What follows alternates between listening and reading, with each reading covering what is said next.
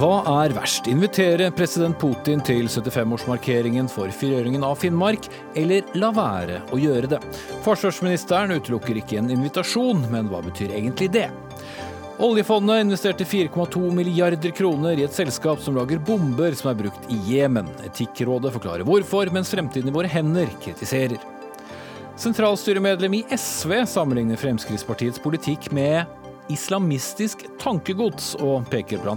på regjeringspartiets ønsker om forbud om enkelte klesplagg, men får svar på tiltale i Dagsnytt 18. Og samferdselsministeren hevder at jernbanesatsingen i Norge er på rett spor. Hvor nøyaktig var Ketil Solvik-Olsen da han kom med den beskrivelsen, spør Aftenpostens kommentator.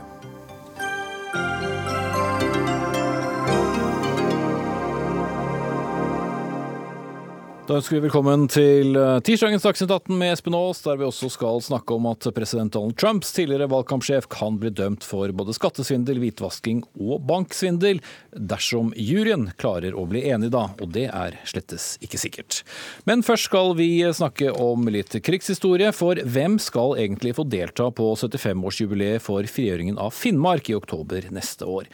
Den debatten har gått gjennom sommeren, den, etter at Arbeiderpartiordføreren i Sør-Varanger, Rune Rafael Rafaelsen har bedt regjeringen om å invitere Russlands president Vladimir Putin til arrangementet. Responsen fra regjeringen var noe lunken, med henvisning til at Norge støtter sanksjonene mot Russland etter annekteringen av Krim i 2014. Men den siste uken har forsvarsminister Frank Bakke-Jensen understreket at Norge ikke har sagt nei. Og Bakke-Jensen, hva skal egentlig til for at Norge skulle sende en invitasjon til Russlands sterke mann? Ja, For det første så er det ikke sånn at vi har, eh, vi har prøvd å ikke blande sanksjonene uh, mot uh, Russland og frigjøringsjubileet. Det har vi også klargjort både i en, telef en telefonsamtale jeg hadde med Rune Rafaelsen rett etter at han sendte brevet til statsministeren, og i et brev fra embetsverket mitt til Sør-Varanger kommune. Så la nå det være klart. sanksjonene er én sak, og, da Klassekampen intervjua meg, så, så, spurte de i, også i relasjon til at en fylkesordføreren i Finnmark, Lasvik, hadde sagt at det var på tide å oppheve dem, og en stortingsrepresentant representant fra Finnmark hadde sagt at det var på tide å oppheve sanksjonene. Eh, det sier jeg er, uaktuelt eh, per nå.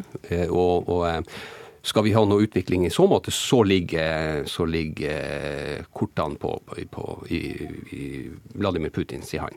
Når det gjelder jubileet, så, så, så er det en av de viktigste Eh, markeringen vi har krigshistorisk fremover. Rett og slett for at det også er en hendelse som er underkommunisert. Den, de, de, opplevelsene som, som finnmarkingene og folk fra Nord-Troms hadde i den, den, tida. Vi har sagt at vi skal gå i gang. Det er mitt departement som har ansvaret for jubileet. Vi har sagt at vi skal gå i gang. Vi skal bygge, bygge et bra eh, jubileum. Det er helt naturlig at eh, russiske myndigheter er representert ved et sånt, eh, sånt jubileum.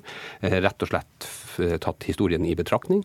Men så har vi også sagt at det her skal vi eh, gjøre et grundig arbeid i samarbeid med lokale og regionale myndigheter, rett og slett for å få eh, samla så mye, mye eh, folk og, og, og, autoriteter som mulig rundt ei, ei sånn markering. Der står vi i dag. Mm.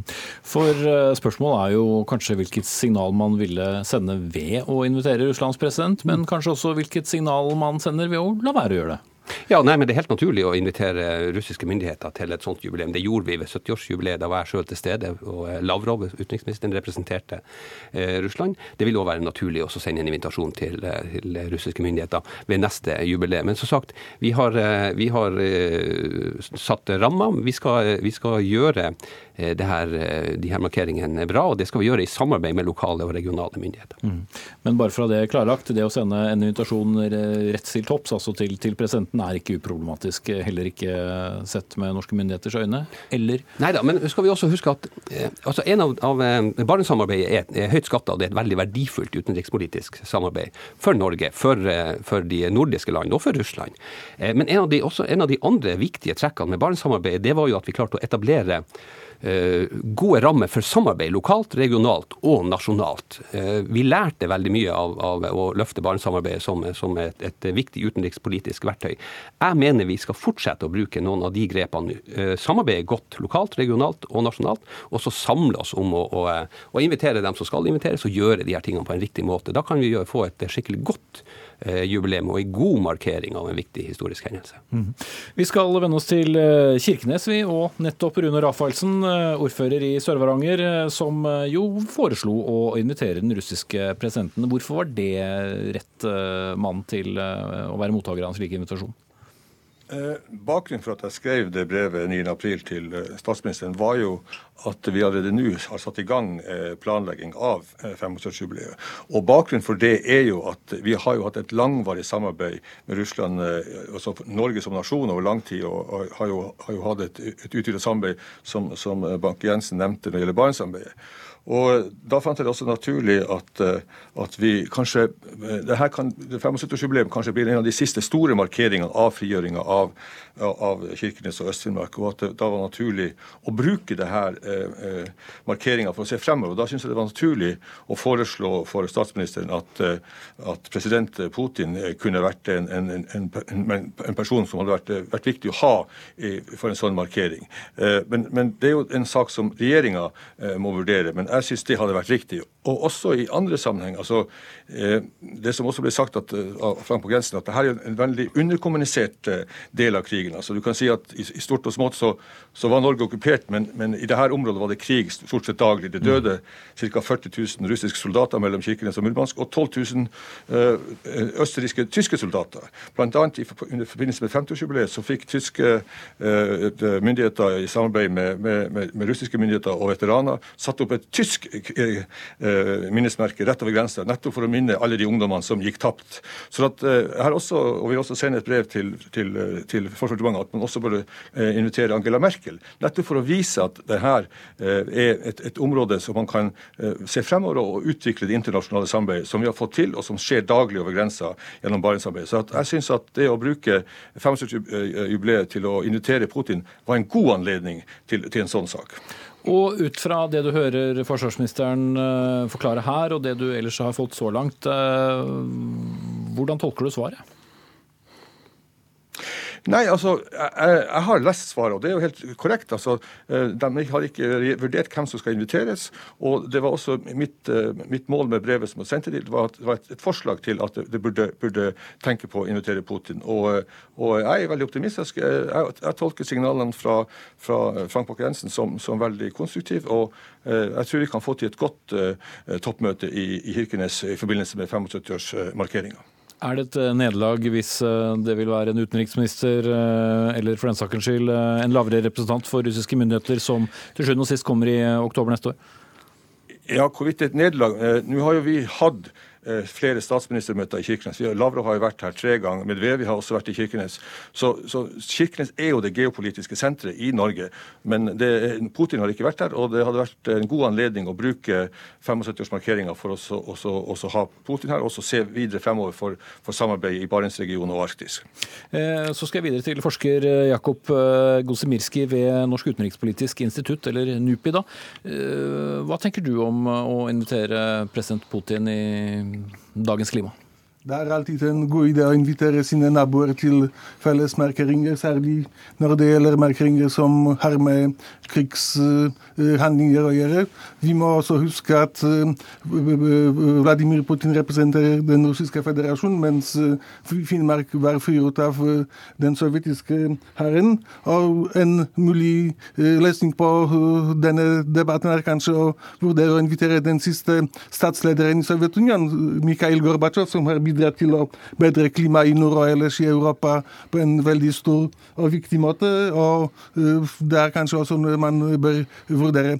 Man må også være klar over at verden ser litt annerledes ut fra kirkene sin fra Oslo, og dette må også tas i betraktning.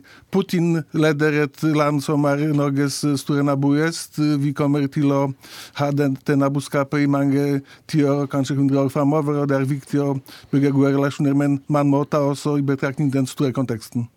Ja, øh, og da blir det kanskje litt mer problematisk med en slik invitasjon? Det kan fort bli en del folk ellers i Europa som vil se på det som en slags konseptuell utfordring. Vi er i ferd med å markere f.eks. 50-årsdagen for, den for den sovjetiske intervensjonen i Tsjekkia, og der andre minner man har når det gjelder forhold til den sovjetiske hæren. Finnmark var heldig fordi det var det stedet i Europa hvor den sovjetiske hæren trakk seg tilbake etter å ha frigjort dette området, mens store deler av Europa måtte vente til slutten av 40-tallet for få dem gå sin vei. Mm. Og mange deler av Europa har helt andre minner fra, fra sovjettiden for så vidt enn, enn det som vi skal minnes da eh, når det gjelder denne 75-årsmarkeringen. Men Frank Bakke-Jensen, hvor lett er det å skille mellom en slik minnemarkering for det at hvis man nå skulle invitere Putin til, eh, til norsk jord for første gang på, på, lang tid, så tipper jeg vel at det vil bli lagt merke til der ute òg. Og vil alle skille så lett på det ene som det andre? Nei, sikkert ikke. Men eh, husk på at en sånn markering har jo på mange måter to funksjoner. Det ene det er at vi skal, vi skal ha en sånn markering for å, å gi takknemlighet for den, eh, den hjelpa vi fikk for 75 år siden. Det andre det er jo at vi skal ha en sånn markering også for å vise det meningsløse med krig. Mm. Eh, så, så, i det bildet så, det være, så, kan det være positivt, både som, som Rune sier, å, å, å, dra det også til, til, tyske myndigheter, involvere dem. Eh, det er helt naturlig at vi involverer de nordiske landene, som også var, på mange måter var, eh, var, eller på forskjellige måter var berørt av, av de her hendelsene. Sånne markeringer er, mener jeg er, er riktige. Og så er det viktig at vi samtidig i den markeringen også kan fortelle historien om det vi har klart å bygge opp etter andre verdenskrig. Vi har altså klart å bygge folkeretten. Vi har bygd Eh, institusjonene som skal hjelpe oss med å, å, å leve i, i, fred og frihet. Og nettopp folkeretten har vel det som har vært gjort eh, forholdet til eh, dagens Russland litt mer problematisk de siste ja, årene? Ja, og det er litt av den diskusjonen jeg ofte står i i Finnmark. der, for at jeg sier at Vi kan ikke være, vi er et lite land, vi kan ikke være litt for folkeretten. Vi må være helt for folkeretten. Og så må vi eh, balansere det forholdet vi har til Russland. Det har vi alltid gjort, men det er like viktig at vi, vi fortsetter med det. Og Da sier jeg da må vi holde et sånt jubileum og en sånn markering atskilt fra sanksjonene. Så må vi tenke klart, og så skal vi lage en god, en god markering. For at det er, som jeg begynte med, det er en viktig historisk hending for Norge. Kosmyrski. Et, et, annet viktig moment her er at den sovjetiske hæren var en multietnisk hær. og det var f.eks. i slutten av uh, 44 så var bortimot 30 av soldater som kjempet i den sovjetiske hæren av ukrainsk avstamning. Så det er kanskje også viktig å huske at det er også folk fra andre land i Europa kan komme til denne markeringen. Og vi vet også at det som har med krigen å gjøre, er noe som har skapt denne spenningen i dagens Europa. Og vi vet også at veldig mange lider av den grunn. Også en del andre land i Europa, som Ukraina. 10 000 mennesker mistet livet pga. krigføring som Russland har stått for. og Det er også en del av dette store bildet. Mm. Ja, hva har du tenkt om det, Raffelsen, om, eh, om, det signalet det kan sende eh, til land som har et langt mer anstrengt forhold til Russland enn en eh, særlig dere har som nærmeste nabo? Ja, Det merker jo jeg veldig godt. Jeg snakker jo med, uh, masse ofte med, med, politikere fra Baltikum. og De beskylder meg for å være naiv, for de har en til annen historie. Men for meg er det viktig å understreke at, at, fra norsk side har vi en langvarig tradisjon. Og det også, var jo også mange hviterussere som døde, spesielt i, i, de siste slagene mellom Kirkenes og Murgan. Men det er ikke det som er mitt poeng. Mitt poeng er også, som, som, som Frank sier, det å bruke det her for å vise det meningsløse med krig, men også se, fra, se, se fremover hvordan vi kan utnytte eh, samarbeidet vi har med Russland, og også dra inn andre land. så at vi kan få en, en, en, en god utvikling i nord. Og, og, Da er det også, også sånn at uh, Merkel er den statslederen som kanskje snakker best med Putin. Og, og, og Tyskland hadde en, veldig, veldig uh, negativ historie her oppe. Det, det, det, det sitter i folket, og, det kan være på en måte også viktig å markere en avslutning på den, til den måten som, som, man har gjort på russisk side, med at man fikk reist et, et, et, et tysk uh, minnesmerke over de, alle de tyske og østerrikske soldatene. Sånn at jeg ser på denne uh, markeringa som en mulighet for å vise vise hvordan man kan bygge opp konstruktive dialog, samarbeid eh, med andre sider, og samtidig som man, man, eh, man eh, også markerer, som, som, Frank sa, det, her, det som skjedde, det, det grusomme, hvordan krigen ramma dette området på en brutal måte. Mm. Samtidig har jo Storbritannias nyutnevnte utenriksminister vært på besøk i USA, og det er tatt til orde for at man må dra til med enda flere sanksjoner overfor Russland. Så det er jo mange ting som, som pågår her. Men Frank Bakke-Jensen, gitt da i en tenkt situasjon at vi hadde endt opp med, med forbundskansler Merkel og president Putin på ett og samme sted i, i oktober neste år, Noen ville jo kanskje sett på det som en, en mulighet til å gå litt andre veien. Ja, altså det, det alle, alle, alle, møter, alle samkomster må, må brukes så bra som mulig. Husk på at det som, det som aller viktigst for, for sett, sett fra, fra, Finnmark og sett fra Norge, det er jo at altså vi, er, vi, er noen som har vokst opp med en besteforeldregenerasjon som, som ja, gjennom språkbruk omtalte det nazistiske regimet på en måte som Det hadde aldri sluppet gjennom sensuren i NRK, så vi har ikke, vi har det på tape. Samtidig som de kunne finne, fortelle om, om, varme mennesker med, med, med, med, tyske soldater, unge mennesker, som, som, som deltok ufrivillig i, i krigshandlingen. Det har gått lang tid. Det er viktig med sånne markeringer, rett og slett for å markere det vi har vunnet etter en sånn, sånn krig. Og det er jo nå 70 år med, demokratibygging og institusjonsbygging som skjermer folkeretten og, og, og gir oss et, et internasjonalt lovverk til samhandling. Så er det problematisk når noen bryter da må vi også ha noen, noen uh, institutt som gjør at vi kan, kan, reagere på det. Det har vi. Men samtidig så må vi jo uh, ikke la det her bli fastlåst. Vi må prøve å, å rokke ved de tingene og, og se om det kan være en løsning. Hvis jeg får spørre deg da veldig kort eh, til slutt. Eh, når har du tenkt å, å bestemme deg for eh, hvem Forsvarsdepartementet eventuelt vil invitere? Nei, vi, altså vi, vi, skal sette oss ned. men det som man sier, at det her er et arbeid som, som, vi skal gjøre. Vi skal legge rammen, og så skal vi involvere også regionale myndigheter og lokale myndigheter. For det er viktig. Og det vil jo også styrke en mulig, en mulig invitasjon til, til andre. Vi kan, vi kan, bygge det her stort. Det skal vi ta oss nødvendig tid til å, å, å bygge riktig. Og så skal vi invitere dem vi mener fortjener å være. Men at russiske myndigheter skal være til stede ved en sånn markering, det må være helt åpenbart. Mm. Da sier vi takk til dere, forsvarsminister Frank Bakke-Jensen, ordfører i Sør-Varanger Rune Raffelsen og forsker Jakob Gosiminski fra NUPI.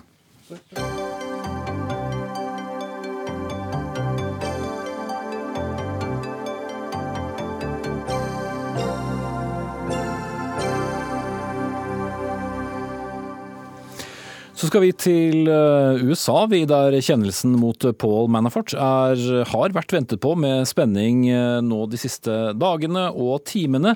Manafort var eh, som kjent valgkampsjef for Donald Trump i en periode, og står tiltalt for 18 15 ulike former for skatt og banksvindel. Og de tolv jurymedlemmene de har sittet nå på fjerde dagen for å vurdere skyldspørsmålet. Og korrespondent i Washington, Anders Magnus, eh, før vi går til detaljene. Det kan jo være litt lett å gå surr i etterforskningen og rettssakene mot folk som har vært tilknyttet Trump. Kan du aller først rydde bitte litt opp for oss og fortelle hva denne saken handler om? Um Spesialetterforsker Robert Mueller fikk i oppdrag å undersøke om det hadde vært eh, en sammensvergelse mellom eh, deler av det politiske miljøet i USA og russerne eh, med hensyn på valgkampen i 2016. Da fikk han også beskjed om at han skulle etterforske andre ting som dukket opp underveis. Dette som nå har dukket opp underveis når det gjelder Paul Manafort, det gjelder kun finansielle eh, forbrytelser som han er tiltalt for i denne rettssaken i Virginia. Skattesvindel, hvitvasking av penger og banksvindel. Men han er også tiltalt eh, i en annen rettssak som kommer senere, i september, i Washington DC, eh, i forbindelse med selve dette Russland-komplekset. Nå er det altså bare disse eh, finansielle forbrytelsene han er tiltalt for. Og så er altså juryen nå inne i en sluttfase når det gjelder om de skal vurdere å kjenne ham skyldig eller ikke. Og skal vi tro på de telegrammene som raser inn mens vi snakker her nå, Anders, så kan det virke som det fortsatt er en, en veldig vanskelig uh, avgjørelse. Uh, en del amerikanske medier har jo skrevet om en såkalt hung jury. Hva er det som uh, gjør dette så vanskelig? Akkurat nå, for bare noen få minutter siden, så eh, spurte juryen dommeren i saken hva skal vi gjøre hvis vi er enige om de fleste eh, tiltalepunktene, men uenige om ett. Det de fikk til svar da, var at de skal gå tilbake igjen og forsøke å bli enige om det siste tiltalepunktet også. Men eh, det er også sagt, uten at det er fortalt til juryen, at dommeren kan akseptere en eh, delvis eh, avgjørelse, slik at eh, han får en kjennelse i 17 av 18 punkter, men at den, det 18. punktet blir ubestemt. En hung jury, altså en delt jury, betyr at man ikke klarer å bli enige om en, en sak. Hvis hele komplekset skulle havne opp som en delt jury, så vil det måtte til en ny rettssak. Men nå ser det ut til at de klarer å bli enige i hvert fall om 17 av 18 punkter. Og det ser ut til at dommeren kommer til å akseptere det også. Så mitt tips er at i løpet av dagen så vil vi få en endelig beskjed her. Mm. Heidi Taktal Skjeseth, forfatter av boken 'Løgn hvorfor Trump lyver og hva det gjør med oss', og tidligere USA-korrespondent for uh, Dagsavisen. Trump har jo kalt, kalt Paul Manafort for 'a good person', for å sitere ham. Hva ligger i en sånn uttalelse? Det er vanskelig å si. Han har både kalt han en good person og gått løs på eh, etterforskerne, som er eh, minst like viktig. Og han har distansert seg fra Manafort tidligere. Ja, Poengtert hvor lite han egentlig ja, jobbet for, han, for, Trump. Eh, han jobbet gratis. Han kom på i mars 2016, gikk av på høsten. At han på en måte ikke var noen viktig person, men han var jo sjefen for, for valgkampen en periode, og det var han jeg, jeg møtte ham faktisk i i, uh, under republikanernes landsmøte. og Da var, det, var det Paul Manafort som ønsket velkommen, uh, og som lovte alle at dette skulle bli tidenes, uh, tidenes landsmøte, som det jo ble på, på noen måter. så det er vanskelig for Trump nå å liksom late som han ikke var noen sentral aktør da, for ham. Men som eh, Anders Magnus eh, var inne på fra, fra, Washington, så er jo kanskje det mest spennende punktet for Trump er ikke nødvendigvis eh, disse skattesnuskhistoriene, men altså at dette kan være en person som binder Trump til russerne, og hvorvidt de skulle hjelpe til med å finne snusk på motkandidaten Hillary Clinton. Ja, og det er nettopp, Dette er veldig mye oppmerksomhet rundt Paul Manafort nå og hans enorme skattesvindel. Da. Det, det er det jo. Eh, og liksom spektakulær eh, spektakulær svindel han har drevet med gjennom mange mange år. Men det er jo på en måte et sidespor. Eh, for dette handler jo, Grunnen til at han får så mye oppmerksomhet, er jo at det handler i bunn og grunn om Trump. Og til hvilken grad presidenten selv har vært involvert og hatt kontakt med russere under valgkampen.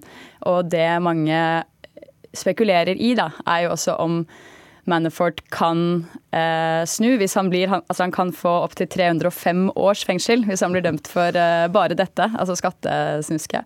Um, og om han da kan vende seg mot sin tidligere sjef og fortelle ting som han ikke uh, vil at skal se dagens lys. Mm. For Det har vært uh, mange folk uh, Anders Magnus, som har vært involvert i forskjellige rettssaker i, i, kjølvannet her, men Paul Manfort er ikke helt som, som andre når det gjelder bl.a. det å innrømme noe. Nei, eh, Det viktige her med denne saken er jo ikke bare at eh, dette er eh, De, tiltalepunktene som gjelder ham, er ganske enorme. Og han kan få mye straff for det. Men det viktige her er at dette blir sett på som en prøve på om Mueller klarer å få gjennomført fellelser i de sakskompleksene han er satt til å etterforske. Får han en fellelse her, altså en kjennelse om at Manafort er skyldig, så vil det være en seier for Mueller og styrke etterforskningen videre, også når det gjelder russlandsdelen av dette. Får, en, eh, får Manafort eh, en frifinnelse, så er det klart at da vil Trump eh, se på dette som nok et bevis på at dette bare er en heksejakt. Og han vil sannsynligvis da kreve med enda sterkere styrke at den etterforskningen må bli stanset. Mm. Skjeseth, det er jo en sånn knivseggsbalanse også for mange av partifellene til Trump. Hvordan forholder de seg til dette? De har uh, sittet veldig stille i, båten. Uh, det har vært et par stemmer. John McCain, som jo er på vei, på vei, ut, som har bedt presidenten om å respektere uh, uavhengigheten til etterforskerne og la de gjøre jobben sin i fred. Men det har vært Uh, urovekkende stille uh, fra republikanerne så langt. Så det blir veldig spennende å se hvordan de reagerer på en eventuell domfellelse. Mm. Uh, Anders Magnus, hvis nå Donald Trump skal, skal vitne, hvordan skal han forholde seg til dette? Hvis han skal vitne, så vil han sannsynligvis bli spurt om helt andre ting enn Manaforts finansielle snusk hvis, hvis, han da har gjort disse tingene. Eh, det som eh, man nok ønsker å fokusere på, er om eh, Trump har bidratt til å hindre etterforskning av viktig innblanding fra Russlands side. Og Det er jo dette han nå sier at kan bli vanskelig, for, fordi hvis han sier noe som er sant, så kan det bli satt opp mot noe annet som kanskje ikke er sant, og så blir han dømt for menighet. Men det blir avvist av kommentator her. Hvis Trump snakker sant, hvis det går an å finne ut at det han sier er, har grunnlag i fakta, så kommer han ikke til å bli dømt for menighet dersom eh, Eh, eh, i forhold til det han skal vitne om. Så det argumentet hans holder nok ikke. Men det er nok mange eh, heller som spekulerer i at det Trump skal komme til å si til Møller-etterforskerne, ikke kommer til å være riktig. Og da kan han selvfølgelig bli eh, tatt for menighet, fordi han må etterforske seg under, Han må forklare seg under ed, og dermed, hvis han sier noe som er feil, så blir det menighet eller løgnaktig forklaring for retten. Heidi Taktal Skjethet, helt kort til slutt. Eh, vi har jo sett tidligere at det virker jo som det er veldig lite som, eh, som biter eh, på Trump, og at uh, lite skader ham tross alle forsøkene. Denne saken, blir det nok en i rekken? Altså, det avhenger selvfølgelig av utfallet, men foreløpig så har den kanskje ikke skada ham så mye? Nei, jeg tror ikke det er så langt. Men det er jo nettopp det Hvis han, hvis han blir dømt, så kan dette kanskje være det første som biter på, da, på Trumps eh, eh, paradegang så langt. Mm. Takk til eh, Anders Magnus, eh, Washington-korrespondent for NRK, og Heidi Taksdal Skjettet, forfatter av eh, boken 'Løgn hvorfor Trump lyver og hva den gjør med oss', og også tidligere USA-korrespondent for Dagsavisen. Og så får vi følge med på Twitter og ellers amerikanske nyhetsmedier videre.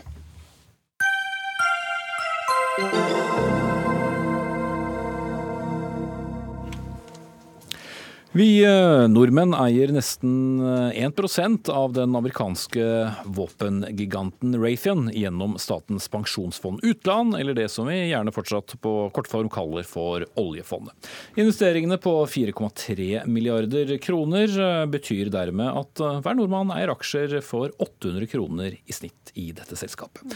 Aksjekjøpet har gitt uh, relativt god avkastning siden 2016, men framtiden i våre hender mener pengene er skitne, og at Etikkrådet bør kaste selskapet ut fra oljefondets investeringer. VG skriver nemlig i dag at våpen fra Rathan skal ha drept sivile ved bombingen av et vannpumpeanlegg i Jemen. Og Anja Bakken Riise, leder i Framtiden i våre hender. I den grad man kan gradere det, hvor uakseptabel er en slik investering i dette selskapet? Altså, Da jeg leste denne saken i VG i dag, så ble jeg uvel. Det er fullstendig uakseptabelt at mine og våre felles sparepenger gjennom oljefondet er investert i et selskap som Raytheon, som over tid og gjentatte ganger har solgt våpen til Saudi-Arabia som vi vet at benyttes i, i krig, som vi vet at brukes til å drepe sivile det fullstendig uakseptabelt.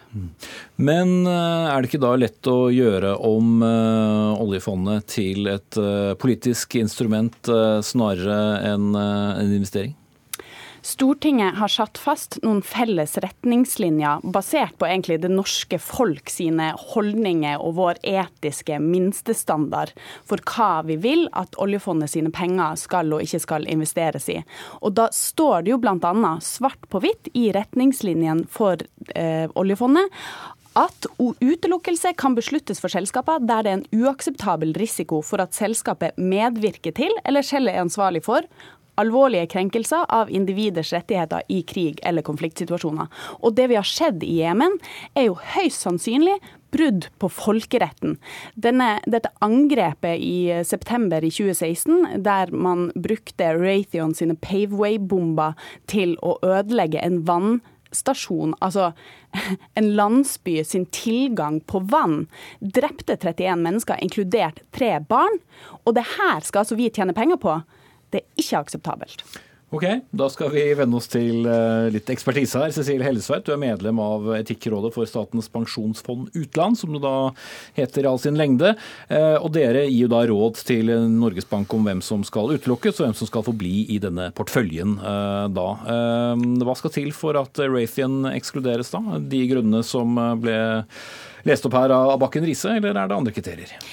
Ja, altså eh, våre kriterier, Det er særlig to kriterier som er relevante for krig- og konfliktsituasjoner. og Det ene er produktbaserte kriterier, hvor vi ikke skal eie eh, selskaper som produserer visse typer våpen. Og Raytheon har jo vært ekskludert fordi de i en periode produserte klasevåpen. Da de sluttet med det, så ble de fjernet fra den listen. Eh, en del år tilbake i tid, da man begynte ja. med disse ekskluderingene. I tillegg så er det en liste over land. Eh, og fondet skal ikke eie selskaper som eksploderer militært materiell til disse landene. De landene per i dag er Syria og Nord-Korea. Iran og eh, Myanmar har stått på den listen, men står ikke der lenger. Og det vil si at hvis, hvis fondet eier selskaper som eh, eksporterer militært materiell eller våpen innenfor disse to, så skal fondet ut. Da kommer vi med tilrådning om det. I tillegg så har vi dette atferdsbaserte kriteriet. Men det er altså da slik at hvis eh, en selskap eksporterer et våpen som ikke står på denne listen, til et land som ikke står på denne listen, så må det på en måte noe mer til enn det for at den terskelen for det atferdsbaserte kriteriet skal være tilfredsstilt. Det holder ikke at et selskap leverer et lovlig våpen til en stat som ikke står på den listen. Og Da er spørsmålet da, hva er det som er tillegget eh, der. Og, og, og, I praksis så er altså terskelen for eh, medvirkning til alvorlige krenkelser i krig og konflikt for selskaper den er ganske høy. Og Det har sammenheng både med at eh, det er vanskelig med informasjonstilgang, men det er også det at bare det å levere våpen til et land i krig er ikke nok altså, for, eh, for å ekskludere. Så den eh, forferdelsen som eh, Bakken Riise her eh, refererte til, den må vi nesten bare ha, for den bryter ikke med kriteriene? Slik det står i dag, så gjør den jo ikke det. Men disse kriteriene er jo noen som er utarbeidet selvfølgelig av eh, norske myndigheter. Eh, og det er et politisk spørsmål som Etikkrådet ikke tar stilling til. Men slik retningslinjene står i dag, og med de eh, statene som står på listen, med de våpnene som står på listen, så er ikke dette et tilfelle som vil havne på vårt bord. Selv om det er naturligvis slik at i enhver sak så kan det komme opp informasjon som gjør at vi allikevel ser på det i forhold til atferdsbaserte kriterier. Mm. Ja, Bakken Riise, i utgangspunktet innenfor.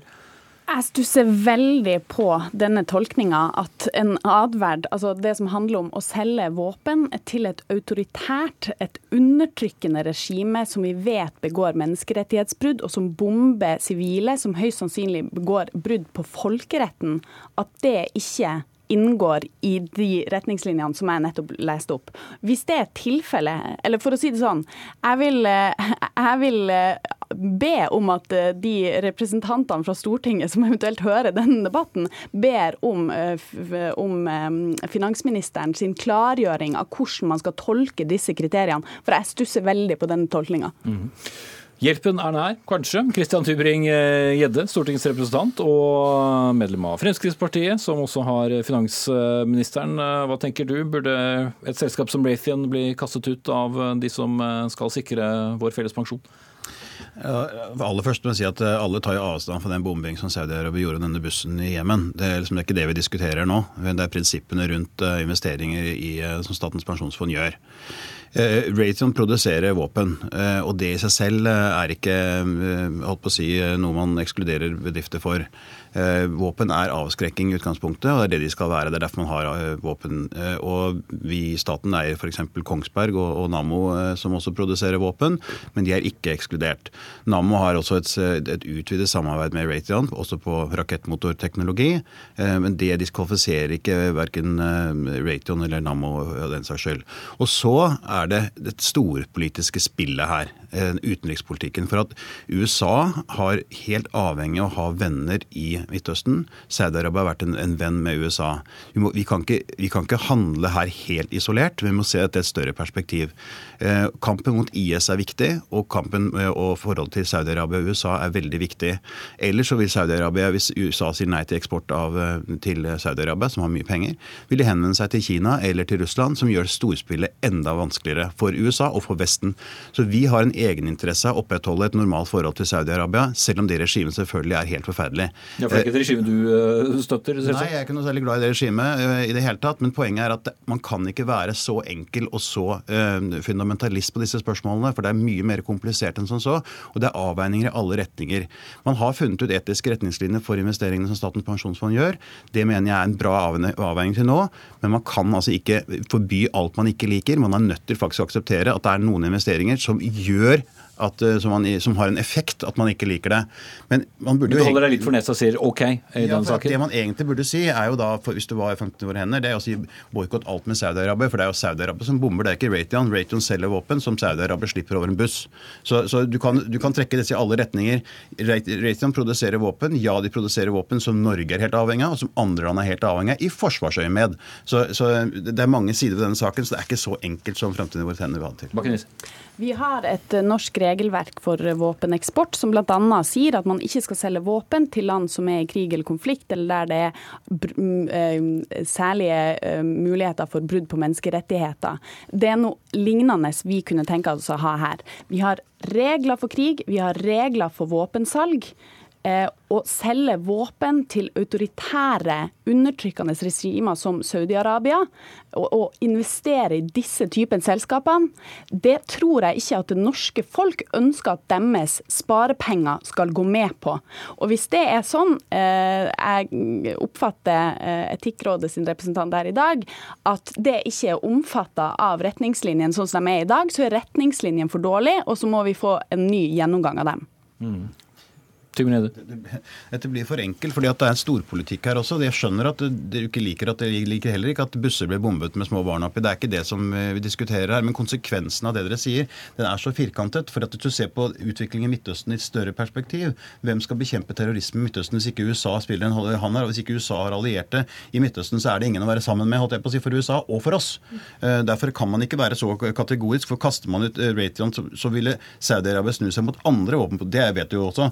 At de snu seg mot andre våpenprodusenter, som gjør Vestens nærvær i Midtøsten mye vanskeligere. Så dette er en avveining man må ta, og det er altså ikke så kategorisk og så enkelt som fremtiden i våre hender vil ha det til.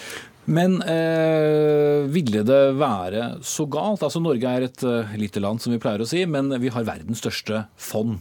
Eh, og mange har jo tenkt at vi kunne jo brukt dette fondet til mer enn å bare eh, tjene penger. Man kunne også påvirke, som vi gjør i, en viss grad. Fordi vi trekker oss ut av eh, Walmart fordi de behandler arbeiderne dårlig osv. Ville det, tror du Tubing, det være så galt om vi hadde utvidet begrepet noe, eller ville det da gått for mye politikk i det? Jeg tror Allerede nå så er det jo 100 selskaper eller mer enn det, 200 selskaper som er eh, ekskludert her. og Du kan bruke miljøargumentet, du kan bruke klimaargumentet, du kan bruke sykdomsargumentet, du kan bruke argumenter for alt mulig man ikke liker her i verden. De som produserer godteri, det er negativt, mye sukker i. Har, nå har du jo eh, funnet en rekke kriterier. Tobakk er jo ekskludert. altså Hvor går grensen for hva som er akseptabelt? Så, så Du kan godt bruke det som det, men hvis målet er, og det er å forsikre din og min pensjon i fremtiden, det er det vi håper på å kunne klare, å investere i infrastruktur, sikre at Nav har sine penger så de kan betale for fattige og syke mennesker. Eh, men det er klart hvis du skal ikke få inntekter av prinsipielle årsaker, da kan du heller ikke kreve de ytelsene du ønsker fra det offentlige i etterkant. Sånn, Det er bare en konsekvens av det. Og jeg syns ikke Statens pensjonsfond skal bruke pressmidler, penger, for å drive utenrikspolitikk. Vi bygger allianser på helt andre vis. Mm. Eh, Hellesveit, eh, hva kan du fortelle om altså, hvor vanskelig disse kriteriene er? For det går jo i mange ledd. Det er selskaper som eier underselskaper, og så vet vi jo ikke alltid da som i dette tilfellet, hvor man selger og til hvem. Det vet man først etterpå. Nei, altså, og det er jo veldig mange, det er over 8000 selskaper i fondet. Eh, men det er klart vi har operasjonalisert disse retningslinjene på måter som det er viktig at vi skal vi si, praktiserer på en konsistent måte. Men akkurat når det gjelder krig- og konfliktkriterier, som jo er det vi diskuterer her, så har vi jo noen utfordringer nettopp pga. informasjonstilfang. For eksempel. Fordi når vi kommer med våre tilrådninger til Norges Bank, så baserer det seg på en gjennomgang av, av faktum rundt et en sak, hva slags type ansvar selskapet da har. Er det nært nok knyttet til eh, det som vi da ikke ønsker å, å bidra til, eh, eller som bryter med retningslinjene. Og eh, situasjonen i, i krig- og konfliktområder er krevende i forhold til informasjonstilfang. Og det er også slik at det er ikke først og fremst selskapene som begår overgrep, det er først og fremst andre aktører. Og da blir det alltid et spørsmål ja. hvor, hvor bredt kaster man det. Og Etikkrådet driver jo ikke med kritikk av, av stater som sådan. Eh, så det er klart, det er jo også slik at eh, utfordringen knyttet til å operasjonalisere et kriterium både i fulle konflikter, som du har i Jemen, men også mer eh, lavintensitetskonflikter, eh, gjør at når det gjelder krig- og konfliktkriterier, så er det først og fremst de mer permanente okkupasjonssituasjonene som, som særlig eh, blir gjenstand for utelukkelse fra oss. Og Det har nettopp sammenheng med hva slags atferd selskapene har i den type situasjoner. For når det er full krig, så er det ofte andre aktører enn selskaper som er i front. Du ser ikke noe beroliget ut uh, på vegne av framtiden vår, hender? Nei, jeg gjør ikke det. For akkurat i dette tilfellet så har det i hvert fall ikke vært noe mangel på informasjon. Altså, Nasdaq skrev i slutten av 2017 at selskapet hadde en oppgang på 31% og at veksten hadde blitt drevet fram av stater i den arabiske gulfen som har hatt et økt behov for selskapets missilsystemer. Det har ikke vært noe tvil om hvor disse våpnene har blitt brukt, og at de gjentatte ganger har blitt brukt til å drepe sivile. Men så er det et spørsmål om det som eh, Tybring-Gjedde her drar opp, er altså hva, hvorfor har vi oljefondet? Jo, vi har det for å investere i og sikre vår framtid. Eh, Oljefondet har en langsiktig investeringsprofil. De, de, ser gjerne 70 år fram i tid. Å bruke våre felles sparepenger i oljefondet til å investere i selskaper som selger våpen til Saudi-Arabia, som bidrar til nød, konflikt, uro, ustabilitet det er ikke det som kommer til å sikre vår velferd og våre framtidige inntekter. Det er også ekstremt mye forskning som viser at bærekraftige, ansvarlige investeringer det gir bedre avkastning over tid. Eh, så kan vi gjerne komme tilbake til debatten om oljefondet overhodet burde være investert i våpen, men det, det er en annen debatt. Dette handler om atferden til disse våpenselskapene. At man ikke skal selge våpen til aktører som er deltakende i krig eller konflikt, eller som det er stor sannsynlighet at bryter uh, menneskerettighetene, som et autoritært regime som Saudi-Arabia. Og Der må jeg faktisk uh, sette strek. Uh, takk skal du ha, Anne Bakken Riise fra Framtiden i våre hender, Christian Tybring-Gjedde, stortingsrepresentant for Fremskrittspartiet, og Cecilie Helsveit fra Etikkrådet. Og kanskje skal vi sitere gamle Bob Dylan, som en gang skrev at det er ikke alltid at penger snakker, det hender også at de banner.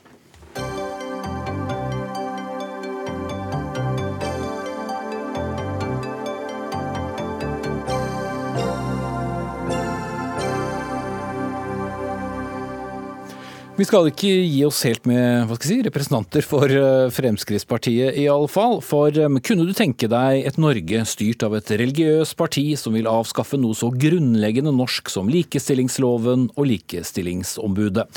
Spørsmålet, noe retorisk, stilles av sentralstyremedlem i SV, Eirik Fare Sakariassen, som i et blogginnlegg med overskriften 'Islamistene kommer' sammenligner nettopp Fremskrittspartiets politikk med islamistisk tankegods. Og eh, Sakariassen, eh, hva er det du ønsker å få frem ved å trekke nettopp disse linjene? Nei, det er at eh, Frp deler en del av de samme verdiene som de advarer imot. Altså de er imot likestilling, de vil vedta, lover og regler for hvordan folk skal gå kledd. De vil øke kontantstøtten som fører til at kvinner blir hjemme, og de godtar salg av militært utstyr til noen av de verste islamistiske regimene i verden, som vi nettopp fikk høre om.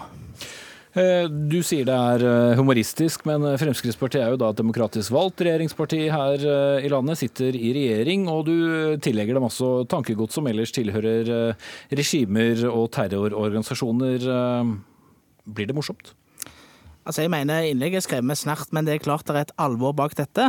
Fordi at Fremskrittspartiet eh, er på mange måter et parti som har eh, illiberalt syn på en del eh, viktige saker, som likestilling, som, som synet på f.eks. dette med forkynnelse inn i skolen, og, og liksom liberalt forhold til f.eks. For hvordan man skal kunne kle seg. Ja, Jon Helgheim, stortingsrepresentant for Fremskrittspartiet. Lo du godt da du leste innlegget? Ja, dessverre så, så, blir det jo litt sånn tragikomisk når det kommer sånne innlegg som dette her, som er så til de grader lite gjennomtenkt. Og det er mulig dette er eh, forsøk eh, på å være morsom.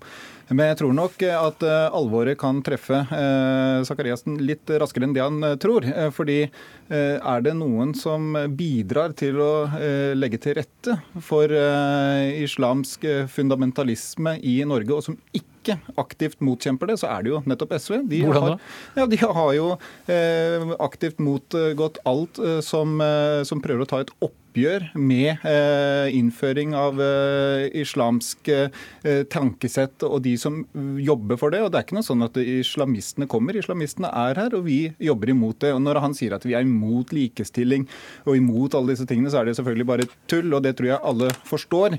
Eh, vi eh, ønsker faktisk å ta kvinners rettigheter på alvor. Derfor sier vi at vi skal ikke drive i Norge med aktiv eh, og systematisk undertrykking av kvinner ved å tillate tildekking av kvinner. Det burde jo være en selvfølge for de fleste, men dette er sånn som SV kjemper for at islamistene skal vinne fram med. Altså kjempe for at kvinner skal få gå tildekket på skole og den type ting.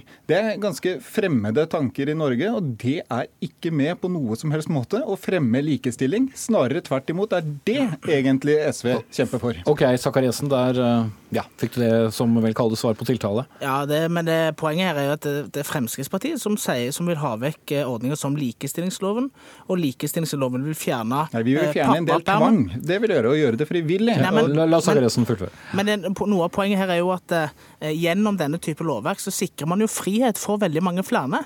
Altså Hvis man bare skal ta vekk dette, f.eks. pappapermen eller øke kontantstøtte og sånn, så vil det bidra til mer ufrihet. Altså en del av de man snakker vel, eh, Frp snakker veldig ofte om innvandrerdamer, men kontantstøtte vil jo sørge for at de blir eh, holdt hjemme.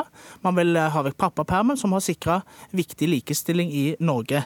Det er en del av de utfordringene som jeg mener at vi må få fram i lyset. Frp later som de er veldig opptatt av alle disse tingene, men realiteten er at i program etter program og i mange saker så har både partilederen og programmet vært tydelig på akkurat dette her. Men det er vel ikke akkurat pappaperm eh, og kontantstøtte som bedrives av, av IS eller totalitære stater nødvendigvis? Så...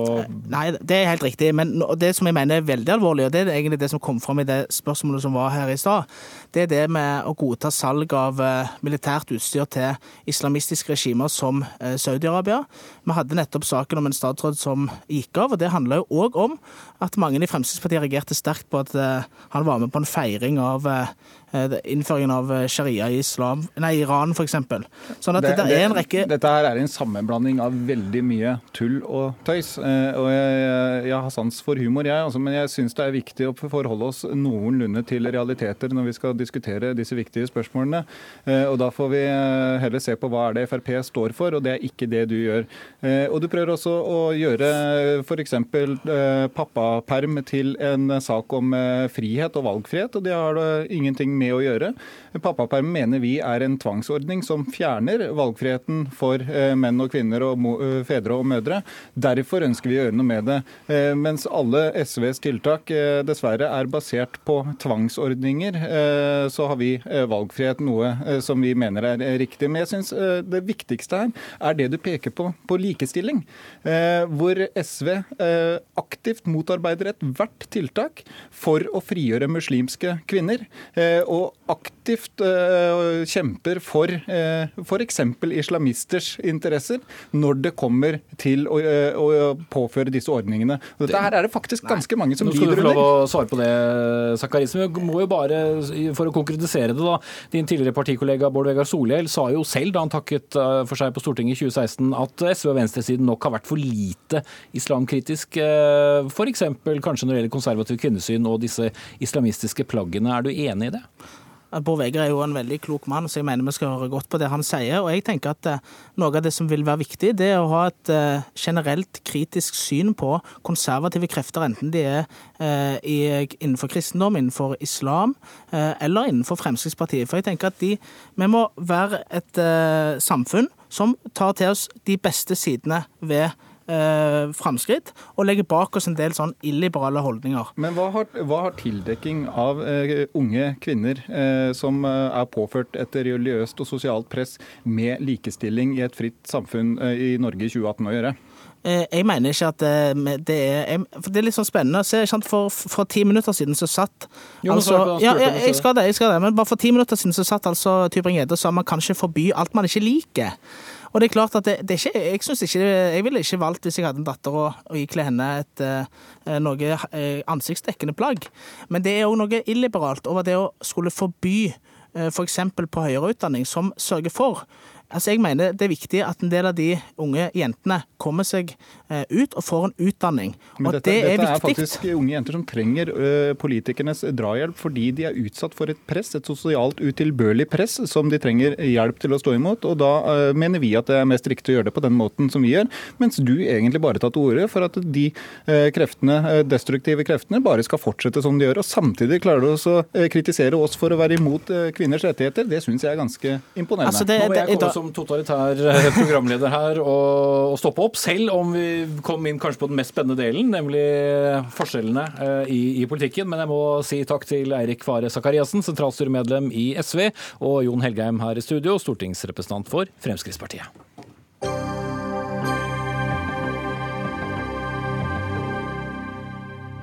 Og her kommer det Fremskrittspartimedlemmer på løpende bånd, tenker noen. Vi skal eh, snakke mer politikk, vi. For samferdselsminister Ketil Solvik-Olsen beskylder mediene, og ikke minst Aftenposten, for å tegne et feilaktig og altfor dystert bilde av dagens jernbanesatsing. Vi må nesten 50 år tilbake for å finne maken til satsing denne regjeringen har gjort på jernbanen, mener statsråden, som hevder at kundetilfredsheten øker, og at den økte satsingen på vedlikehold også gir bedre punktlighet. Så skal vi prøve å bli litt klokere på dette da. Og Solvik-Olsen, i et leserinnlegg i Aftenposten tidligere sommer gikk du altså ut uh, og ramse opp uh, hele tolv punkter på hvorfor det går så bra med jernbanen her i landet. Og hvis du kan uh, på kort vis fortelle hva som var hovedproblemet med det bildet mediene dekket? Jeg tenker, vi, jeg tenker vi skal være nøkterne i både beskrivelsen av det som går godt og det som går dårlig. For det er helt utvilsomt at det er en del strekninger som en sliter veldig på. Østfoldbanen ikke minst. Eh, og Der tror jeg òg at Aftenpostens journalist er pendler. Der har vi sett en dramatisk eh, forverring i både tilfredshet, i eh, punktlighet, i det halvåret som har gått nå. Mm. Fra Så der, der er dere enige? ja, Der tror jeg vi er veldig enige. Men det som jeg da sier, er at det, på meg så framstår det som at Aftenposten, fordi de har så mye erfaring med Østfoldbanen, for den ligger nær Oslo, så gir de en beskrivelse som om all annen del av jernbanen òg er på samme måten. Og det er der jeg tenkte at de åtte punktene de hadde på hvorfor vi skulle se litt mørkt på jernbanen, kunne oppveies med tolv punkter som en kan se at det er lys i tunnelen. Det betyr verken at alt er svart eller at alt er hvitt. Eh, Men vi har altså, vi har dobla vedlikeholdssatsingen. Det betyr ikke at vi dermed fikser alt med en gang, for vi har mange tiår med etterslep å ta igjen. Vi skal ta Ja. punktene etter hvert. eh, Solvik-Olsen, Sveinung Berg eh, journalist i Aftenposten, og åpenbart med en del empiri fra Østfoldbanen. da. Eh, Du satte deg da for å faktasjekke denne tolvpunktslisten. og Hvor nøyaktig var statsråden da han mente at jernbanen var på rett spor? Jeg vil si innledningsvis at eh, han har rett i at dette er en regjering som satser veldig på jernbane. De prioriterer det mer enn de regjeringene kan huske har gjort. Han er handlekraftig statsråd på det området. Men vår oppgave er ikke bare å fortelle om regjeringens ambisjoner. Vår oppgave er å fortelle om de reisendes hverdag, og om ambisjonene nås. Og det gjør de altså slett ikke. Og eh, det er langt fra Østfoldbanen jeg skriver om bare. Jeg skriver om hele landet. Eh, Selv om det hadde vært fryktelig gøy, så, skulle, så kan vi ikke gå gjennom alle tolv punktene. Men vi har eh, gått inn i, i materien. og Solvik-Olsen sier altså at det settes opp nye tog på løpende bånd, og at stadig flere velger å ta tog, og at rutetilbudene bare blir bedre. Har han rett i det? Det har han helt rett i. Og eh, det er bra, og ikke minst er jernbanen veldig gode på strekningen mellom Asker og Lillestrøm. Så de som pendler på hovedstasjonene der, de har fått en veldig fin hverdag de siste årene. Men andre deler er det slett ikke noe stor endring på. Og problemet er jo at de sliter grovt med punktligheten i det daglige, og det er det folk opplever. Mm. Et annet punkt som handler om det er nær fordoblet vedlikeholdsinnsats. Det gir bedre eh, punktlighet, altså at togene går når de skal. Har eh, den samme statsråden rett her? Jeg har tatt med meg punktlighetsstatistikken til Bane Nor for de siste ukene før sommeren og de første ukene etter sommeren. Og det er altså et eh, blodbad av røde tall. Der det står eh, 50% 60% 70% 80% 40 20 osv. Så, videre. så Solvik-Olsen skriver i Aftenposten at ni av ti tog går i rute. og Det bygger han selvfølgelig på hva han blir fortalt av Bane Nor. Så kjenner jeg meg ikke igjen i det i disse oppgavene. Og dette gjelder hele landet. Det gjelder lokaltog, det gjelder regiontog, og det gjelder intercity. Da skal han få svare på det. Ja, men det, det jeg tror vi og Aftenposten har rett og slett ulik tidsakse. For det er helt åpenbart at både i vinter som var, og nå i høst, så har det vært forferdelig dårlig. Noen strekninger Må vi sikkert slenge på sommeren også, med en del stengte jo, selvsagt, men altså, jeg, jeg, tenker at når, når, når en vedlikeholder jernbanen, så er det sånn at du kan dessverre ikke bare sende togene rundt der arbeideren står, du stopper togene helt. Der er jernbanen ulik veibygging, der du måte, lett kan dirigere trafikken rundt. Så buss for tog det er i en annen kategori, det er planlagt vedlikehold. Men, men, men, bakgrunnen min er rett og slett å peke på at hvis du ser utviklingen fra 2010, 2012, 2014 fram til med 2017 så har det vært en veldig god vekst i antall reisende, en veldig god vekst i kundetilfredshet, en god vekst i eller opprettholdelse av punktlighet og en del steder vekst. Utfordringen er at når du ser på det siste halve året, så har det vært dritdårlig en del steder. Og Da er jo spørsmålet skal vi da vektlegge kun det siste halvåret, eller skal vi vektlegge den langsiktige utviklingen her. Og Jeg mener at alt i alt så er det den langsiktige trenden vi skal se. Men så blir jo jeg òg bekymra når vi ser altså at til tross for en god utvikling over tid, så oppstår det sånne situasjoner som har vært i sommer. Det er åpenbart tegn på at vi er langt ifra der vi skal være. Men litt av dette skyldes òg jernbanens egen på en måte suksess de siste årene. Når du setter opp mye flere tog, så sliter du på materiellet og skinnene mye raskere. Og du har òg dårligere tidsvindu for å gjøre noe med det. Sånn at vi, vi, kveles litt i den trafikkveksten som har vært, i forhold til å klare å holde oppe materiellstandarden, spesielt på skinner og sporvekslere. La oss fortsette på, på, nettopp det. da, for Du skriver jo bl.a. at kundetilfredsheten har økt markant. Hva tenker du der, Mensrud? Jeg holder forholdet meg da til det siste året. Og Solvik-Olsen snakker om at det er i kort tidsintervall vi er opptatt av. Punktligheten har gått ned siden 2016, det er to år. Og tilfredsheten har gått ned det siste året, to halvår i strekk. Og det er svært alvorlig. Mm. Og Det er jeg helt enig i. Men så skal man altså huske at 2017 eh, var det beste året med kundetilfredshet hos NSB noen gang. At du nå har fått etter den uh, vinteren og den sommeren som har vært, en kraftig nedgang. Selvsagt det bekymrer oss. Men det er Hvordan går de målingene tilbake, forresten? De målingene går, eh, de går i hvert fall tilbake til 2010. De måler det på litt ulik måte. Men når, når, de i 2017 hadde en gjennomsnittlig kundetilfredshet i NSB på 75 poeng, så regnes det til å være egentlig veldig godt i, i den type greier. Men, men, Østfoldbanen har jo altså rast ned til på kundetilfredsheten der det nå er på 55 poeng. Altså det, mm. det, det, det er dramatisk. Men så spørsmålet her har vi hatt problem i år? Absolutt. Er det reflektivt for alle strekninger? Er det reflektivt for den langsiktige utviklingen som har vært? Nei, det mener jeg at der var det grunn til å, å gi et litt bedre bilde. Har det vært utfordring med at det har vært personellmangel på enkelte strekninger hos NSB? Ja. Er det rekordmange folk som nå går på, NSB, på jernbaneskolen?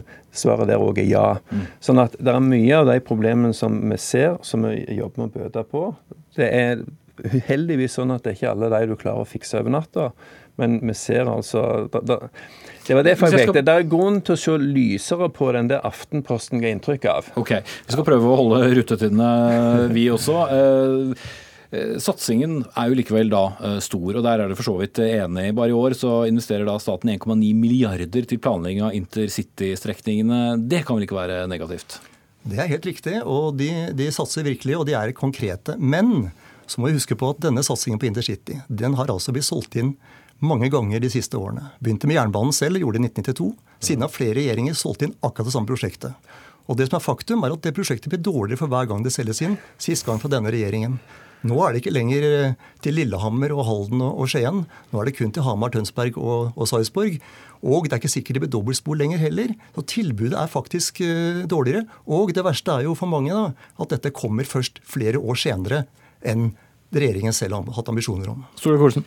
Det er riktig at det, det har vært snakket om dette siden ja, tidlig 90-tallet. Utfordringen er at en har aldri tatt prosjektet videre til å faktisk begynne å se i detaljplanlegging. En har visst f.eks. at i Østfold så er det mye kvikkleire, men som en Bane NOR-ingeniør sa når de hadde informasjonsmøte nede i Råde Fredrikstad-området forrige uke, tror jeg det var, at når de nå begynte å bore for de faktisk skal bygge, så finner de altså nesten bunnløs kvikkleire. Det er mye mye dypere enn det de trodde. og Dermed så går prislappen opp fra 12 milliarder til 20 milliarder. Da syns jeg det er helt naturlig, både som ansvarlig statsråd, men også som skattebetaler, at da må vi sette oss ned. Ikke fordi at vi ikke skal bygge det, men vi må finne ut hvordan å bygge det på et annet sted der det faktisk er mer fjell. Det betyr altså ikke, sånn som en del gir inntrykk av, ikke nødvendigvis Aftenposten, men mine politiske konkurrenter, at nå er hele IC utsatt. Det er et prosjekt som er på vei ut med kontrakter nå. Men det er noen strekninger som vil ta lengre tid å fullføre. Og jeg tror både Bensrud og jeg, hvis vi hadde blitt sendt eh, til Ikea, våre bedre halvdeler, og hadde kommet hjem med et kjøkken som kosta dobbelt så mye som det vi hadde fått fullmakt til, så hadde vi sannsynligvis ikke eh, hatt ei veldig blid ektefelle den, den ja, ikke, jeg tror ikke heller uka. Men spørsmålet er kanskje også hva koster det samfunnet å ikke få ferdig intercity på de årene det har vært snakk om. Det blir flere år med kø, og de ringvirkningene som skulle gi store uttellinger på samfunnet, de utsettes altså disse årene. Da må jeg blåse i, eh, i fløyta, beklager alle disse ordspillene, men eh, vi er i hvert fall ved veis ende. Takk til samferdselsminister Ketil Solvik-Olsen og Sveinung Berg Benstrød fra Aftenposten. Ansvarlig for sendingen Dag Dørum, teknisk ansvarlig Finn Lie. Her i studio satt Espen Aas og vi er tilbake igjen med ny sending i morgen til samme tid.